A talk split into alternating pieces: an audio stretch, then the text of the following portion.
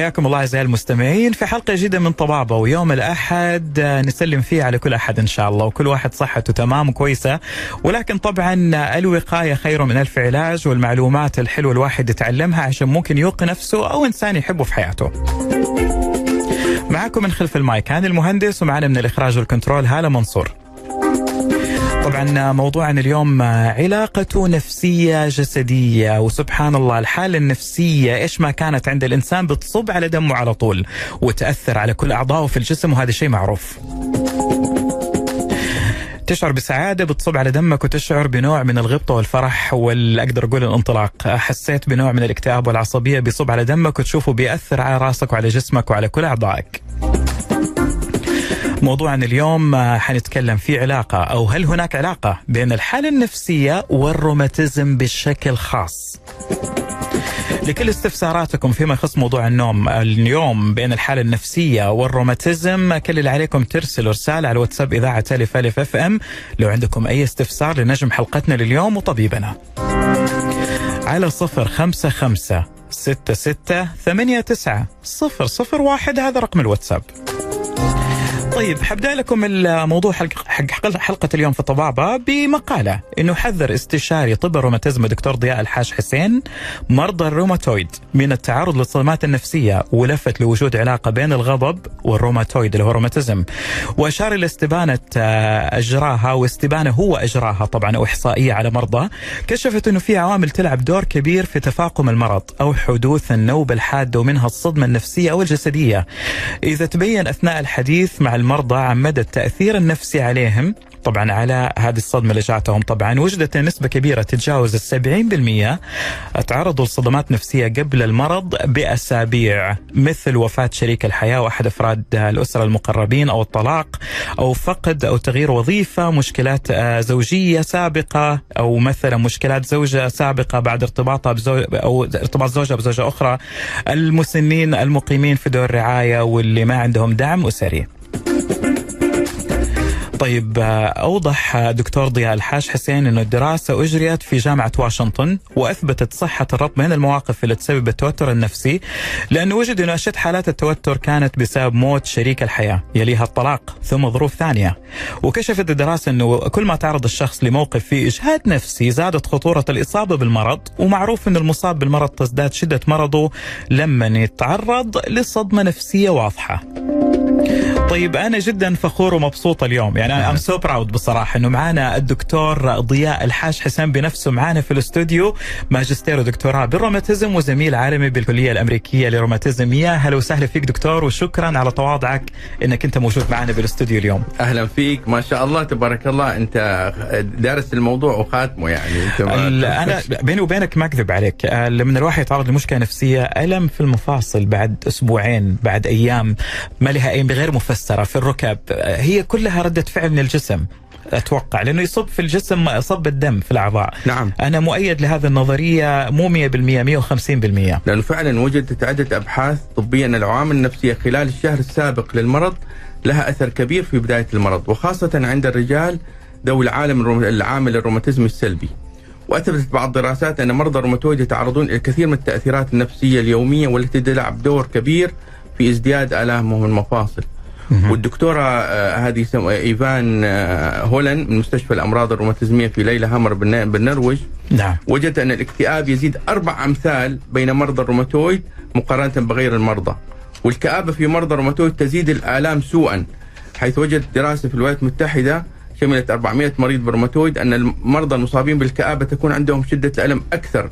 وقد تكون سببا للعجز الجزئي أو الدائم من الغير عن الغير مصابين، لذلك يميل الأطباء التركيز على الاكتئاب بشكل أكبر لهؤلاء المرضى وتوصي الدراسه على ضرورة فحص المرضى المصابين بالتهاب مفاصل بمرض القلق والاكتئاب لابد نعم. يعني نحول نفسية، أنا للأسف نعم. إنه وجدت إنه من النادر من الأطباء إنه يحولوا النفسيه.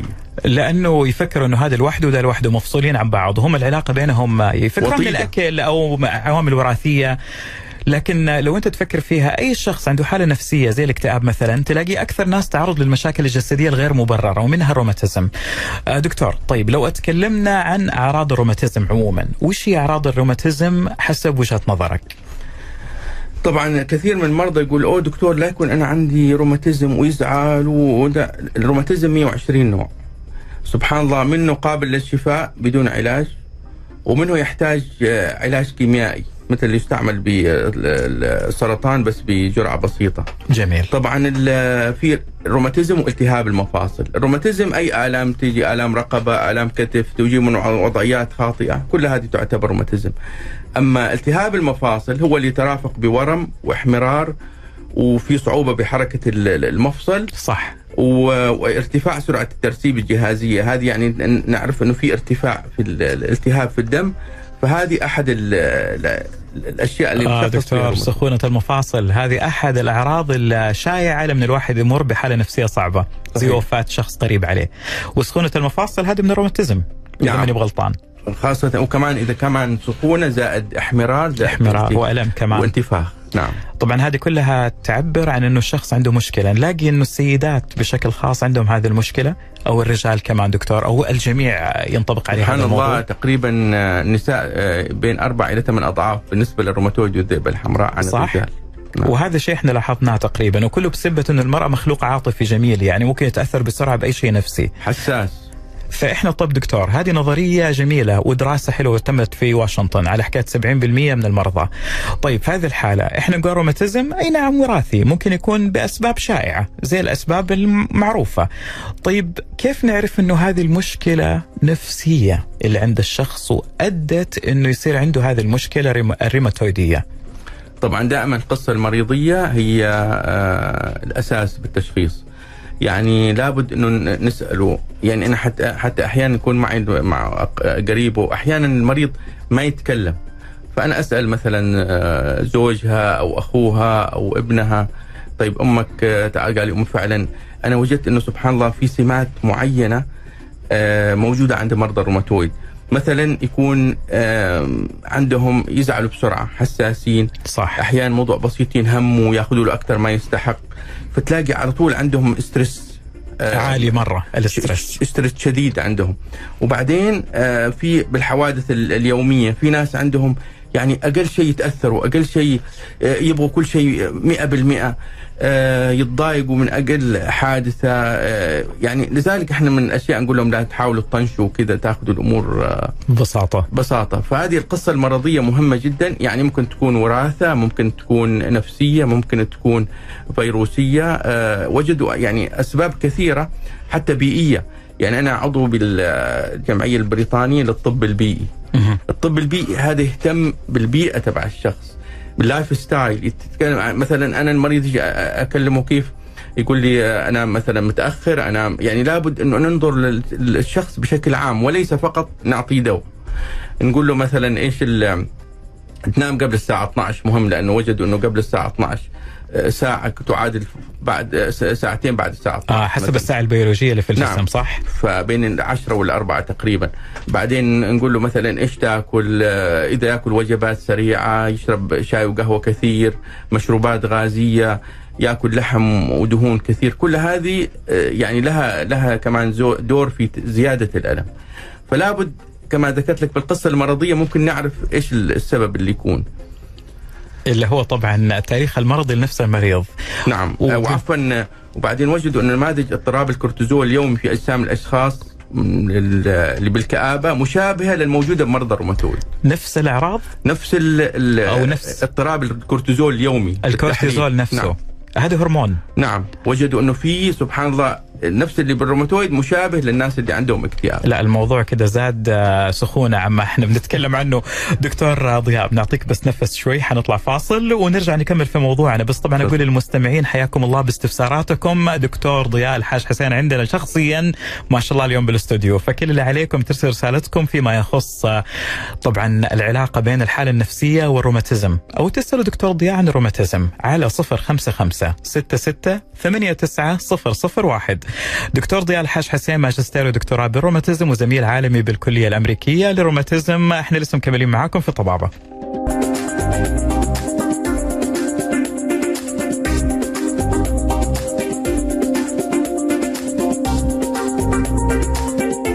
ومكملين معاكم أعزائي المستمعين في برنامج طبابه على أثير إذاعتكم ألف ألف FM. معاكم من خلف المايك. هاني المهندس من الإخراج وال control هالة منصور وطبعا أقدر أقول مرجعنا اليوم الدكتور ضياء الحاج حسين.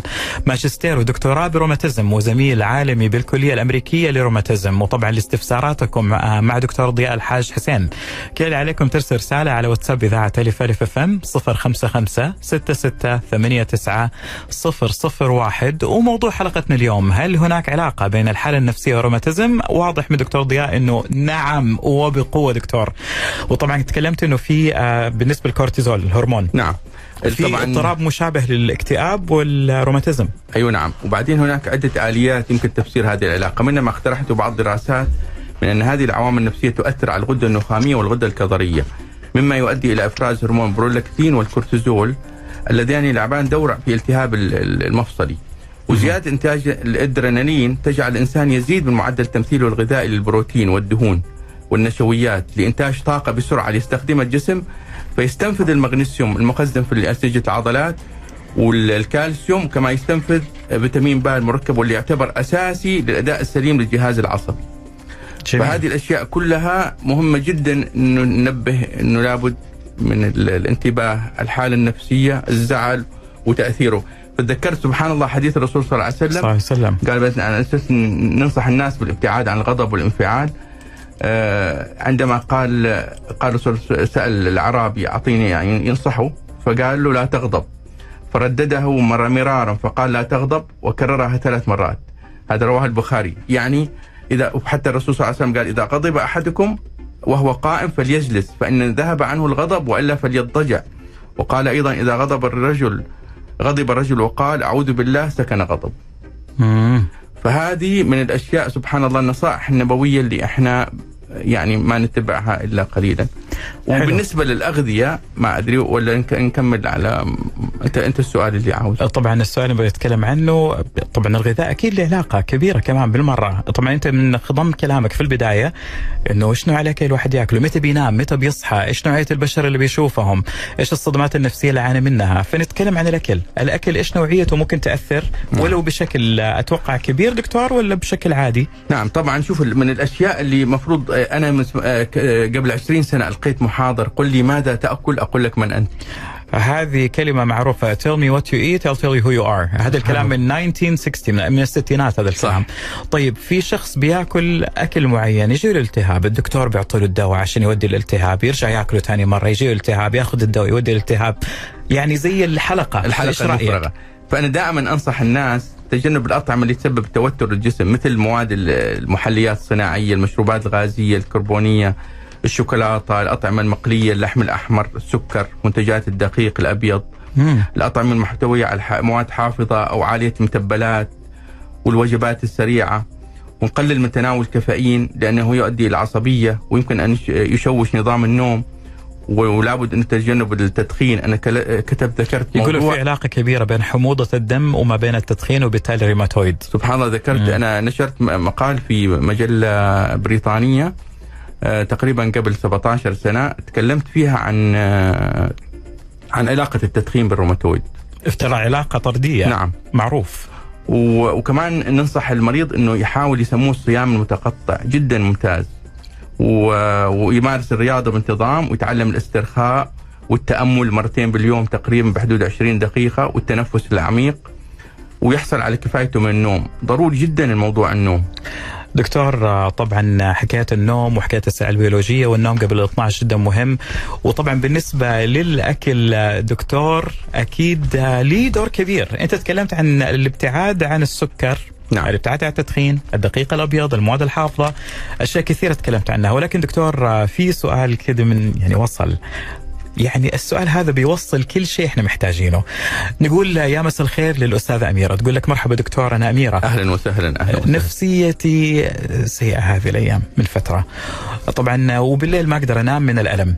وأخذت دواء اللي هو حق مرخي العضلات ريلاكسون عشان تخفيف الألم. صحيت ماني قادر أمشي وأنا أعرج وألم شديد بركبتي اليمين. والله خفت يصير لي شيء. نفس الأعراض اللي كنا بنتكلم عنها اللي هو النفسية وال والروماتيزم. وأنت تذكر أنت كمان قلت الشيء لي في قصة مرت نفس معك. قصة أميرة نفسها إنه لما النفسية تتعب يصير في عرج ويصير في ألم في الكف حق الرجل وأنت بكرامة مشكلة في الركب ما في نوم في الليل. مية بالمية أنا زيها. فأنا انبسطت إني رسلت هذا السؤال لأنه إحنا الاثنين متوافقين في الحالة فإيش رأيك؟ ولاحظت إنه ما شاء الله إنه يعني آه، مثلا دكتور يوم يكتب آه، دواء ويطلع المريض يروح المريض ياخذ الدواء يقول له دكتور ما استفدت يكون مثلا يكون متزاعل مع أهله مع زوجته آه، مشاكل. لا ما حيستفيد. فيرجع ما يقول له الدكتور ما استفدت. فالدكتور أحيانا ممكن يفكر إنه الجرعه اللي اعطاها اياها الدكتور إنه خفيفة فممكن يزود الجرعة. وهذا الخطأ اللي إحنا نسويه كلنا. مم. نفكر إنه هذا الشيء حيشفينا لا بتزيد المشكلة بأعراض جانبية أكثر كمان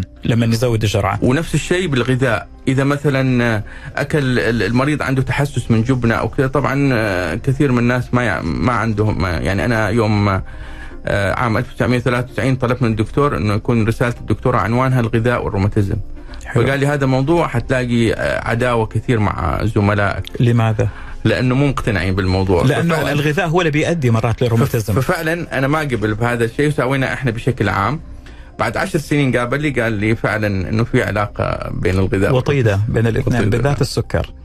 السكريات واللحوم والدهون. ومعروف إنه في بعض الوجبات اللي بناكلها اللي مليانه دهون يعني مثلا زي اللحوم. الحمراء. واللحوم حمراء refinery كله. طبعا طبعا. اللي هو معاد تكوينها كمان هذه اللحوم الحمراء بتؤدي المشاكل. ومع النفسية السيئة يعني بتعمل خلطة مرة قوية للروماتيزم لو ملاحظ دكتور. نعم. دكتور طبعا لو تكلمنا عن أسباب السعادة والراحة النفسية إيش حنقول؟ نجاح يعني أعمالنا تكون ناجحة. أولادنا يكونوا الحمد لله شاطرين في المدرسة. سيارتنا كويسة وتشتغل بيوتنا ما شاء الله كويسة وفخمة. وزواجنا مرضي وسعيد. وهذا أهم شيء. لاحظ خلوها آخر شيء ليش؟ لأنه فيها شكك فنبغى نتكلم على ذا الموضوع. نبغى نتكلم عن الزواج وتأثيره على الصحة النفسية والجسدية والروماتيزم بالتحديد إنه سبب قوي لي. إيه سبحان الله. إحدى الدراسات اللي قام بها الباحثون في جامعة جون هوبكنز في آه، بلتيمور في الولايات المتحدة وجدوا أن الزواج السعيد قد يساعد في تخفيف آلام مفاصل حيث كشفت الدراسة عن أن علاجه يتم بسرعة وبشكل أفضل من مريض المفاصل الروماتويد الأعزب أو الذي يعيش بدون سعادة زوجية سبحان الله وأضافت إنه الاستقرار العاطفي يعد من العوامل التي لها تأثير بالغ على الأحاسيس الجسدية مثل الالم. وذكرت آه، أحد تقارير جامعة آه، جيمفز باركسي أن الزواج يمثل حلا كبيرا في علاج آلام مفاصل بكافة أنواعها من تصلب وورم وألم الرسغين وأصابع والكاحلين والقدمين والركبتين بوجه عام إضافة إلى علاجه لصحة المريض النفسية. وتم تأكيد الباحثين على أهمية المحبة والسعادة الزوجية في علاج الآلام مفاصل إلى جانب علاج الكثير من الآلام النفسية السيئة. وقال البروفيسور كاري كوبر خبير في علم النفس والصحة بجامعة لانكستر إن نتائج هذه الدراسة مدعومة بكثير من التجارب السلبية التي تضاف إلى الألم وإنك إن كنت تعاني من زواج سيء أودى بك ذلك إلى حياة نفسية سيئة ومعاناة أكبر مع الألم. وبالتالي الروماتيزم ما شاء الله في خضم قوته. يعني نعم. لأنه بيجي هو نفسيا كمان روماتيزم من الحياة الزوجية الغير جيدة وغير ناجحة. أو اثنين غير متوافقين دكتور. هذه نعم. ممكن تصير. إنه ممكن اثنين ما يكونوا تعيسين ولا سعيدين لكن ما في توافق ما في بينهم. توافق. وهذا الشيء بنشوفه. طيب دكتور في هذه الحالة وش نقول؟ طبعا أنت دكتور خلطت النفسيه مع الروماتيزم فتحت المواجع يعني زي ما نعم. يقولوا. يعني أنا أشوف إنه إذا تم تشخيصك بأنك مصاب بالتهاب مفاصل نعم. أو ذئبه حمراء وتشعر بالاكتئاب أو القلق لابد من التحدث إلى طبيبك. وبالعلاج والدعم وضع خطة شخصية للعمل. يمكن التغلب على حالات الاكتئاب والتهاب المفاصل الروماتويدي وعلاجهما. لذلك فإن الوقاية والتشخيص المبكر والعلاج الفعال للكآبة لها أهمية كبيرة للإقلال من العجز المترافق مع الروماتويد أو الذئبة الحمراء. وكذلك بعض المصابين بهذه المرضين يحتاجوا لعلاج مكثف سواء نفسي أو دوائي أو كلاهما. وأظهرت الدراسات أن الاستجابة للعلاج تعتمد على المجهود الشخصي بقدر اعتمادها على مجهود الأطباء والمعالجين المختصين. فإذا كنت تعتقد أنك قادر على مكافحة التهاب مفاصل بالسيطرة على الألم والتعب فسوف تستفيد حتما من مصادر علاج طبي أكثر من الذين لا يؤمنون بقدرتهم على مقاومة المرض. والتفاؤل كمان من الأطباء. يعني بعض مريض جاني قال لي آه، عمره 18 سنة. قال نعم. لي آه، ما أخذ الدواء. الدو- الدكتور أعطاني الدواء. قلت ليش ما تأخذه؟ قال لأنه قال لي أنه بعد ثلاث سنوات حتجلس مقعد. فقال لي ليش آخذه؟ فيعني ال- المشكلة أعطاه جرعة سلبية. فأنا دائما أنصح ال- المرضى إنه ما يكون إنه دائما المحاطين فيهم يروح على الإيجابيين. في ناس سبحان الله عندهم يعني آه،. التشاؤم في جسمهم. في طبيعتهم. يعني كمان آه، نفس الشيء قال لي واحد إنه آه، آه، خلص أنا إيش ال- الدكتورة دخلت قدامه آه، وهي على الكرسي. فيعني على الكرسي العجزة دخلت بالعيادة قالت له أنت بعد سنتين أو ثلاث حتصير مقعد. تتعلم على الكرسي هذا مشان تتعلم. يعني شوف التحطيم هذا برا في الغرب يعني فما بالك آه، ما آه، ينفع كذا. لا هذا أقول لك هذا تحطيم تشاؤم. فأنا أشوف التفاؤل من ال- المرضى. في ديننا الحنيف التفاؤل. تفاؤلوا بالخير تجدوه. تجدوه. هو التفاؤل المنطقي إحنا بنتكلم عنه اللي هو الأمل فسحة الأمل. فيجي مسكين المريض محبط يقول لي دكتور صحيح العلاج آه، الروماتويد حيبقى طول حياتي موجود. يعني آه، حستمر أنا على العلاج آه، طول.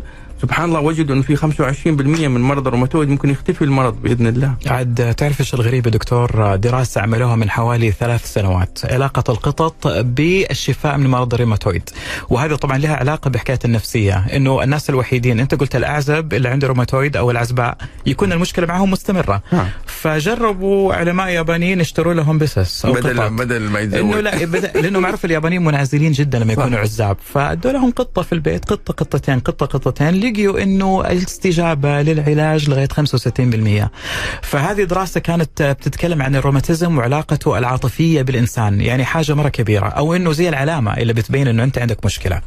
ذكرتني أنت سبحان الله في في مؤتمر في بريطانيا مؤتمر تغذية آه، والطب البديل تكلموا عن سبحان الله علا- علاقة ركب الخيول بالتوحد. لا لا جزء- إحنا حنطول. هاله منصور تقول حنطلع فاصل. حنطلع يا هاله يلا فاصل وحنرجع. أنا والدكتور الح... الكلام ما يخلص خلص. لكنه لسه إحنا حنكمل فيه. أنا ودكتور ضياء الحاج حسين ماجستير ودكتوراه بروماتيزم وزميل عالمي بالكلية الامريكيه روماتيزم. بنجاوب أسئلتكم. اللي بعتوها على 055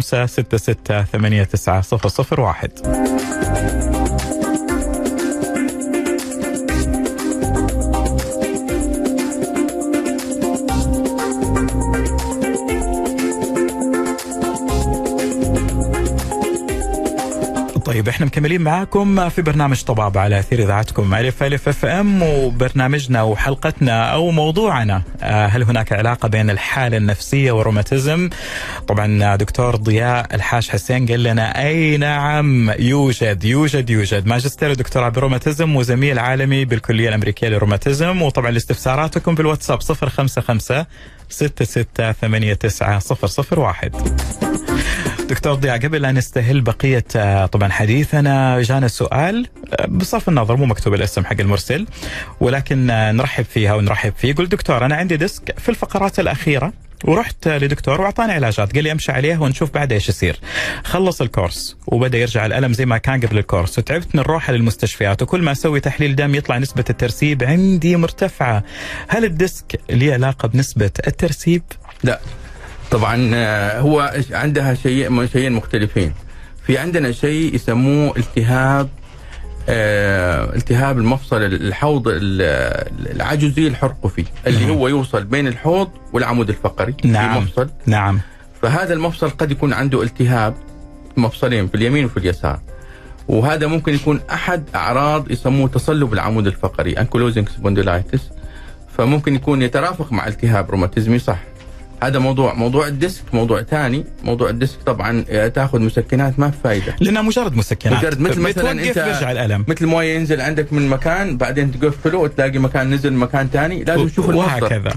الجذر فين؟ المشكلة فين؟ هنا السؤال. فعندنا موضوع ال osteopath وال chiropractic. هذه طرق جديدة ما شاء الله لتخفيف الضغط على العمود الفقري. طيب. يدوي. بل يعني- عندنا أجهزة و... يعني يبغى لها علاج طبيعي نعم، علاج نعم. طبيعي. ما في داعي أدوية مسكنات كلها مؤقتة. ما انت ما حليت مشكلة حليت العرض. يعني مثل الليكو يروحوا يقولوا كوينا والحمد لله الألم راح. هو راح الألم بس ما تحسن الديسك. مو هذا هو. فهو قتل موت العصب يوم ساوى له كوي تحت في أماكن معينة. مم. ممكن موت العصب ما عاد صار يخليه يحس بالألم. والألم سبحان الله نعمة من الله إنه أعطانا يعني آه إنذار في الجسم إنذار عشان العلاج. أيوه ابحث عن السبب. مثل واحد يجي له صداع. يقول ياخذ بنادول. لا يتأكد. ممكن يكون مشكلة من السن ممكن يكون بالعين. نقص ممكن جيوب أنفية ممكن مم. العين نقص أو انحراف بصر. يصير عنده صداع مستمر فأنا اعطيه بنادول بس ما حلينا مشكلة العين. وهذا. لم يحل وإنما مجرد تسكين مؤقت. ونفس الشيء بالنسبة لحكاية الدسك تسكين وليس حل جذري. نعم. ودكتور أنا أنت تقول طبعا العلاج الطبيعي بت... العلاج الطبيعي بال chiropractic وال osteopath هذه يسموه شد العمود الفقري شد أو, العمود أو تقويم العمود الفقري. طيب. هذا بإذن الله حل أجل الأخ أو الاخت يراجع طبيب علاج طبيعي. نعم. ويديله الأشعة ويبدأ طبعا يمارس معاه العلاج إن شاء الله. بإذن الله. أما حكاية المسكنات آه، زي ما راح زي ما جاء ما في شيء جديد. دكتور نتكلم في موضوع عن الخاص طبعا بالموضوع حق الروماتويد أو الروماتيزم. إحنا تكلمنا عن علاقة الأكل علاقة الحالة النفسية علاقة الزواج. okay فنتكلم عن إيش اللي يخلي الحالة النفسية تعمل روماتيزم. هل هي تأثير على أعصاب معينة طرفية؟ هل هو الموضوع يصب في الهرمونات نفسها اللي في الجسم؟ أكيد في أسباب معينة تخلي هذا الشيء حاصل وملموس يا دكتور أيوه كما ذكرت لك قبل شوي إنه العوامل النفسية تؤثر على الغدة النخامية والغدة الكظرية. فيؤدي إلى إفراز هرمون برولاكتين الكورتيزون وهم يلعبان دورا كثيرا في بدء التهاب المفصلي. وكما ذكرت إنه زيادة إنتاج الأدرينالين تجعل الجسم يزيد من معدل تمثيل الغذاء البروتين والدهون والنشويات. نعم. ينتج طاقة. فإذا أنتج طاقة يستخدمها الجسم فيستنفذ المغنيسيوم وفيتامين بي المركب والكالسيوم. فيصير الإنسان عصبي طبعا يسموه فيتامين بي يسموه فيتامينات الأعصاب. اللي فيتامين بي B complex B كلها. دكتور معروف إنه في أعراض جانبية شائعة للروماتيزم وطبعا من أكثرها تراجع الحالة الصحية وارتفاع خطر الإصابة بالاكتئاب. نعم. وهذا الشيء معروف عند الناس عندهم مشاكل في الروماتيزم والروماتويد طيب أنت الشخص اللي بيعاني من الروماتيزم هل تبغى يراجع نفسه نفسيا قبل لا يسوي أي علاج طبي؟ أو إيش وجهة نظرك أنت حسب بحثك؟ لا أول شيء يراجع الطبيب والطبيب آه، يكون يسأله أسئلة مفروض يعني من الأسئلة اللي يسأله إنه كيف حالتك النفسية كيف مثلا لو سأله عندك ألم كمله. كذا. يعني هذه تعلمناها بالكليات إنه نسأل بس كمان نتعمق بأشياء ثانية العامل النفسي هل فقدت آه، كيف عيشتك مع زوجتك؟ كيف أهلك؟ هل أنت عايشين مع بعض؟ هل أنت عايش مثلا مثلا المدارس الآن مدرسات مدرسة مثلا آه، هذا تدرس بالطائف وبيتها بجدة وزوجها في جدة مثلا وكل يوم تروح آه، تنتقل وكذا. عايشة بستريس وستريس لا ينتهي على فعلا يعكس على البيت ويعكس على فمهما أعطيناه علاجات إذا ما لازم لابد إن يا الرجال ينتقل لهناك أو هي تنتقل ل وتستقر هي في مكان بيتها أيوة. لأنه طرح عدم الاستقرار هذا العاطفه يعني نفسيا. تتأثر نفسيا جدا. وهذا طبعا ممكن من جار على شبابه جارت عليه شيخوخته أيوة. معروف إن الواحد أهمل نفسه نفسيا ممكن يرجع له فيما بعد. دكتور التبعات النفسية مو ضروري تكون في فترة الشباب. ممكن تجي في مرحلة ثانية من العمر؟ يعني زي التجمع اللي يطلع في وقت معين؟ يعني أيوه مثل ما تقول تراكم. تراكم. إيه شكرا تراكمات. دكتور. تراكمات هذا هو. تراكمات تراكمات. بعدين مثل ما واحد يقول لي دكتور أنا من طحت مثلا من خمس سنين بس الآن الألم جاء. طبعا مثلا بالنسبة لالم الركب يقول لي أنا طحت من خمس سنين والآن بدأ يألمني. إيش السبب؟ يقول لك الخشونة تبدأ بالمكان الذي تعرض لرد سابق. هذا اولا. فلذلك الواحد يراجع آه، نفسه إنه آه أنا قد طحت قبل كذا صح؟ أو أو جاتني. وبعدين زيادة الوزن. وجد ثبت وإنه ثبت علميا. كل ما يزيد وزن كيلو تزيد خشونة 13% كيلو واحد. الوزن لو زاد كيلو. يزيد خشونة الركب 13 نسبة الإصابة بالخشونة 13% والعكس صحيح يعني كل ما يخف الوزن كل ما يخف كل ما خف الضغط على على الركب نفسها. الركب لأن عبارة عن أقل. نعم. فمثل مثلا عمارة تتحمل دورين تعطيه يساوي لثلاث أدوار أو أربع أدوار حتى. بنهد. الوحدة بتطيح العمارة صح ولا لذلك من الأشياء المهمة بعلاج الخشونة تقوية العضلات. التمارين لأن إذا قوينا العضلات هيخف الضغط على المفصل إضافة إلى الغذاء معين كمان طيب إحنا كده عرفنا من بحثك دكتور إنه الروماتيزم عبارة عن منظومة للحياة الصحية كلها lifestyle lifestyle يعني نفسي غذائي حياتي تثقيفي من نعم. وإلى. نعم. يعني معناته ونوم مهم جدا يعني كله. المريض إذا ينام الصباح حيفقد مثل واحد قال لي قال لي عندي أنا مرض بالكبد قال لي الدكتور إنه ما يتحسن إلا إنه إذا نمت آه، قبل الساعة 11 طيب آه، دكتور في عندك رسالة من خير الله يقول لك دكتور أشكرك على هذه المعلومات الرائعة لأنه فعلا النفسيه والروماتيزم بينهم علاقة وطيدة وأنا متأكد من هذا الشيء مع إني أنا ما حد مقنعني أنا مقتنع. دكتور كمريض روماتيزم زي حالتي من ثمان سنوات ماذا تنصحنا أن نفعل؟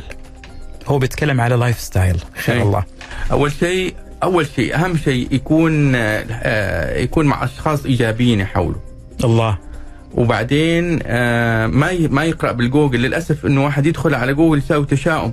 رحت شفت بجوجل لقيت آه، تشوه المفاصل وصاروا ال- المفاصل عندي مشو حتشوه وح ممكن يتأثر على الكلى وممكن أت... فأقول لهم أنا ابتعدوا عن ال... ال- الجوجل الجوجل وبعدين عند دكتور جوجل لأنه مو موثوق. مو مرسوم. لا هذا معروف.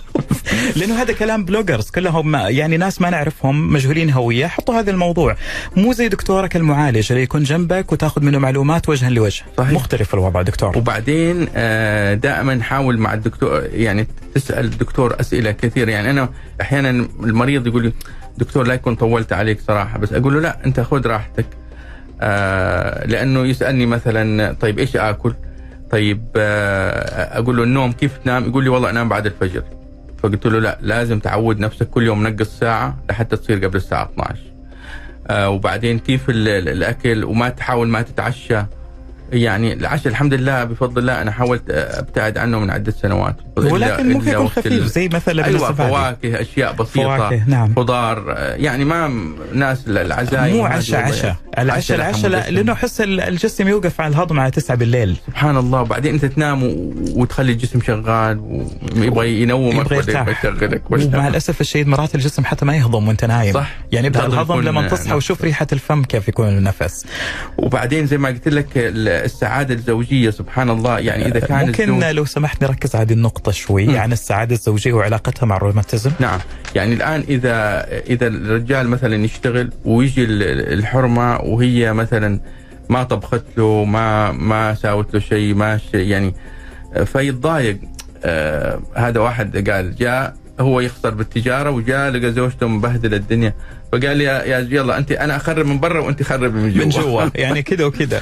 فلازم وبعدين يكون تفاهم صراحة لازم أن أ- أ- الرجال يعرف طبيعة زوجته وزوجته تعرف طبيعته. يعني مثلا في نساء حساسات ممكن تقول لها أنت كلمة لا تلقي لها بالا. تؤثر. فيها. نعم. يعني حتى أسأل بعض الحريم عندي أكيد قدام زوجها أكيد زوجك قال لك شيء و وبعدين انت ذكرتيه قلت له تتذكر من سبع سنوات قلت لي شيء للآن في قلبي. فقلت لها لازم تفضفضي الفضفضة مهمة جدا. ما تخلي شيء في في نفسك. أي شيء زعلتي قولي له مباشرة. ما تقول آه بعد خمس سنين بعد ثلاث سنين. أول ما تزعلي منه إيش تنحل ال- القضية. هذا الشيء شيء ثاني. لأنه يخلوا يوم للمصارحة كذا عشان ما حد يزعل من أحد. أيوه. صح؟ إيش أنت اللي إيش اللي يزعلك وإيش اللي يزع... بحيث إنه إيش يصير في تبادل؟ يصير أنا أتجنب الأشياء اللي تزعلك نعم. يعني إحنا الرجال بشكل عام إلا من رحم الله إنه نتكلم كلمة لا نلقي بها بالا تحفر في ال... يقول لك مثل عندك زجاج انكسر صحيح تصلحه بس ما يطلع زي أول لا. يط... لا خلاص ف... ف... ج- كلمة تجرح ال... هذه يعني ما حتعطيك ال... ف... يعني لابد إنه تكون حريص بكلام زوجتك والزوجة تكون كمان يعني ما تتكلم له. آه، شوف فلان وشوف انت وانت لسه تقارن فيه وبين غيره. وهذا الشيء والله هذا يهد الرجال يعني يكسر أيوه فلذلك هي نفسيته؟ سبحان الله مهم جدا. لو في دورات يعني أنا سبحان الله أخذت دورات وزوجتي أخذت الدورات وأعطيتها بحيث إنه الواحد يعرف كيف يتعامل مع الآخر. جميل جدا جداً هذا. جدا جميل. بنتكلم في ده الموضوع الفقرة القادمة عن الزوج العنيد والزوجة النكدية اللي هي الوصفة الممتازة لضمان الروماتيزم طيب حنتكلم أكثر إحنا مع الفقرة القادمة. لا تروحوا بعيد وصفر خمسة خمسة ستة ستة ثمانية تسعة صفر صفر واحد مع الدكتور ضياء الحاج حسين. وهل هناك علاقة بين الحالة النفسية والروماتيزم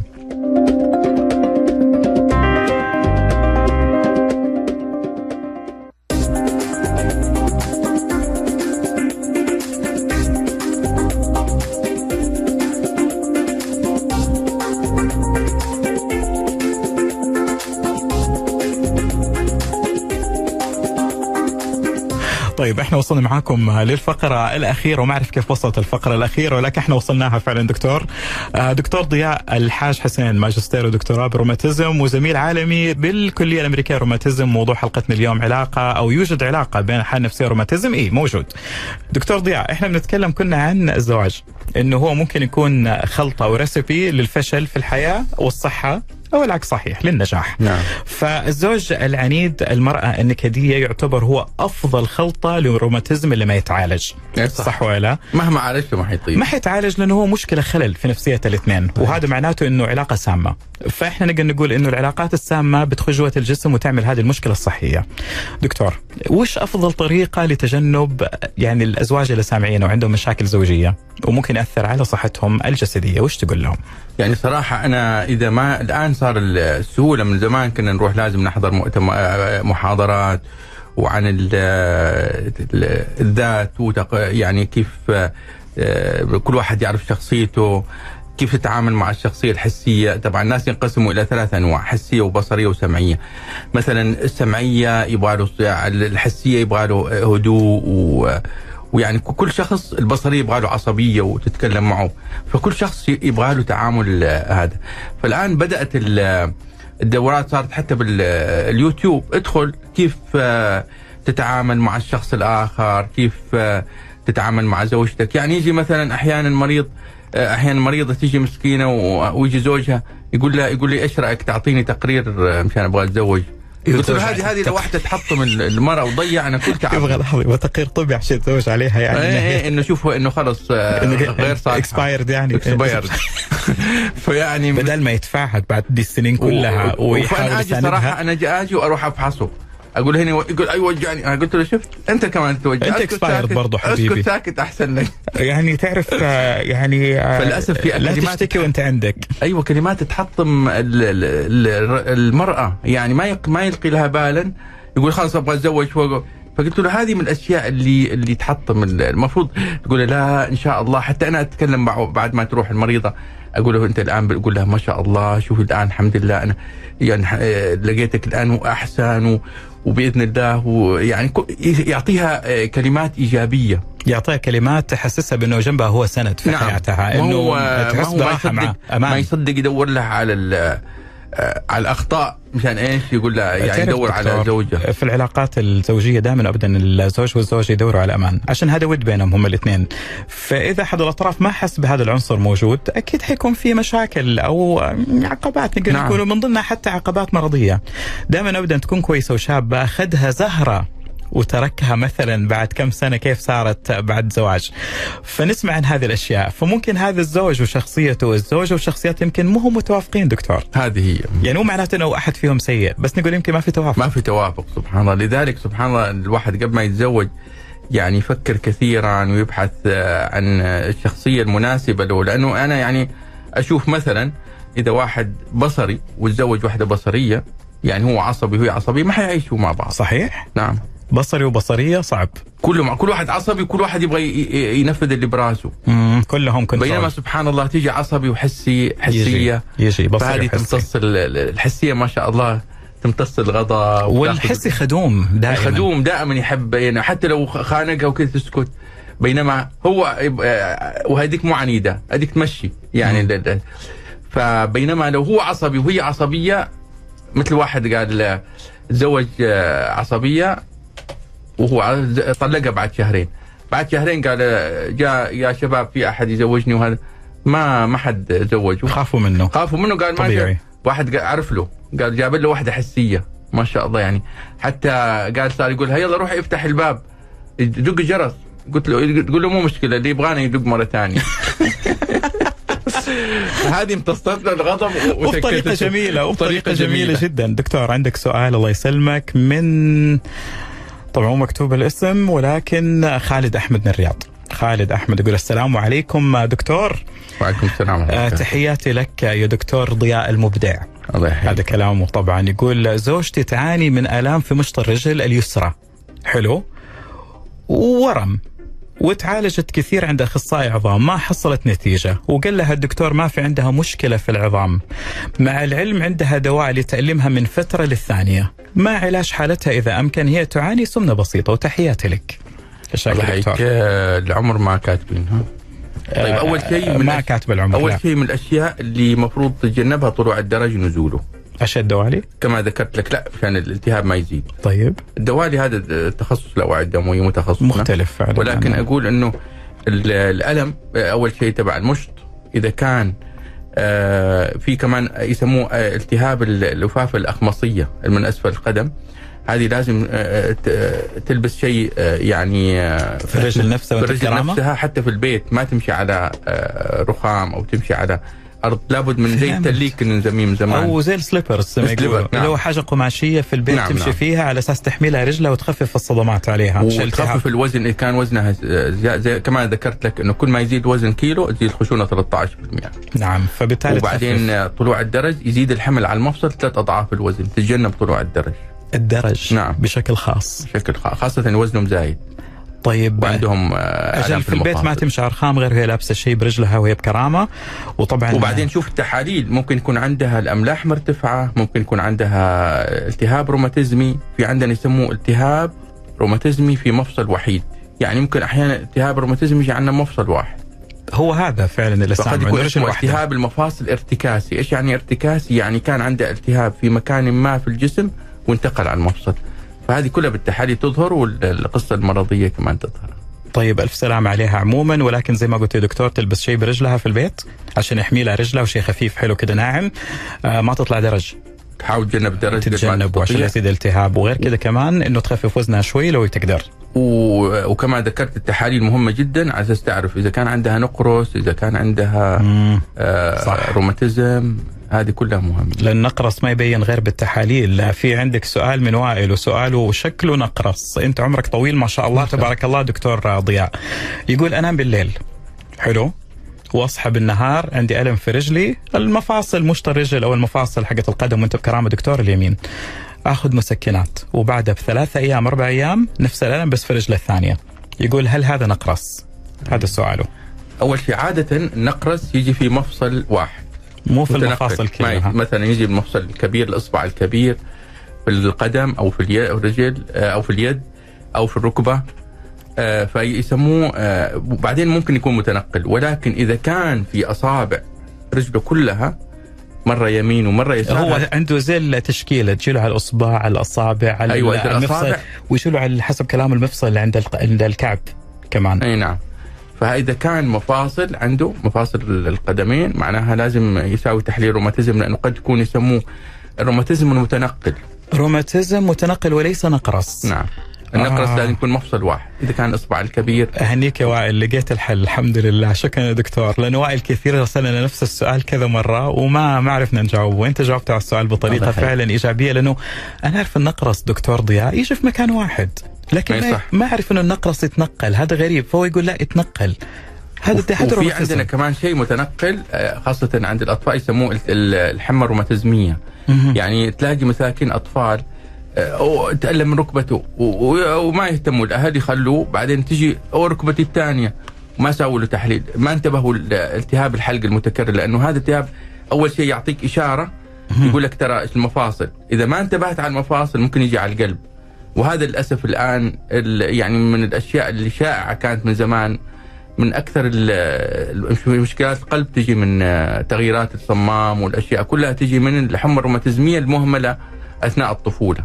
دكتور أنا جدا شاكر ومقدر وجدا سعيد إنك أنت زرتنا اليوم فعلا مع- يعني أنت إحنا قرأنا المقالة لكن أنت بنفسك موجود أهم ما نقرأ أهلا المقالة وسهلا آه،. الدكتور ضياء. الحاج حسين ماجستير ودكتوراه بروماتيزم طبعا وزميل عالمي بالكلية الأمريكية روماتيزم. قبل لا نختم نبغى كلمة أخيرة لك للمستمعين.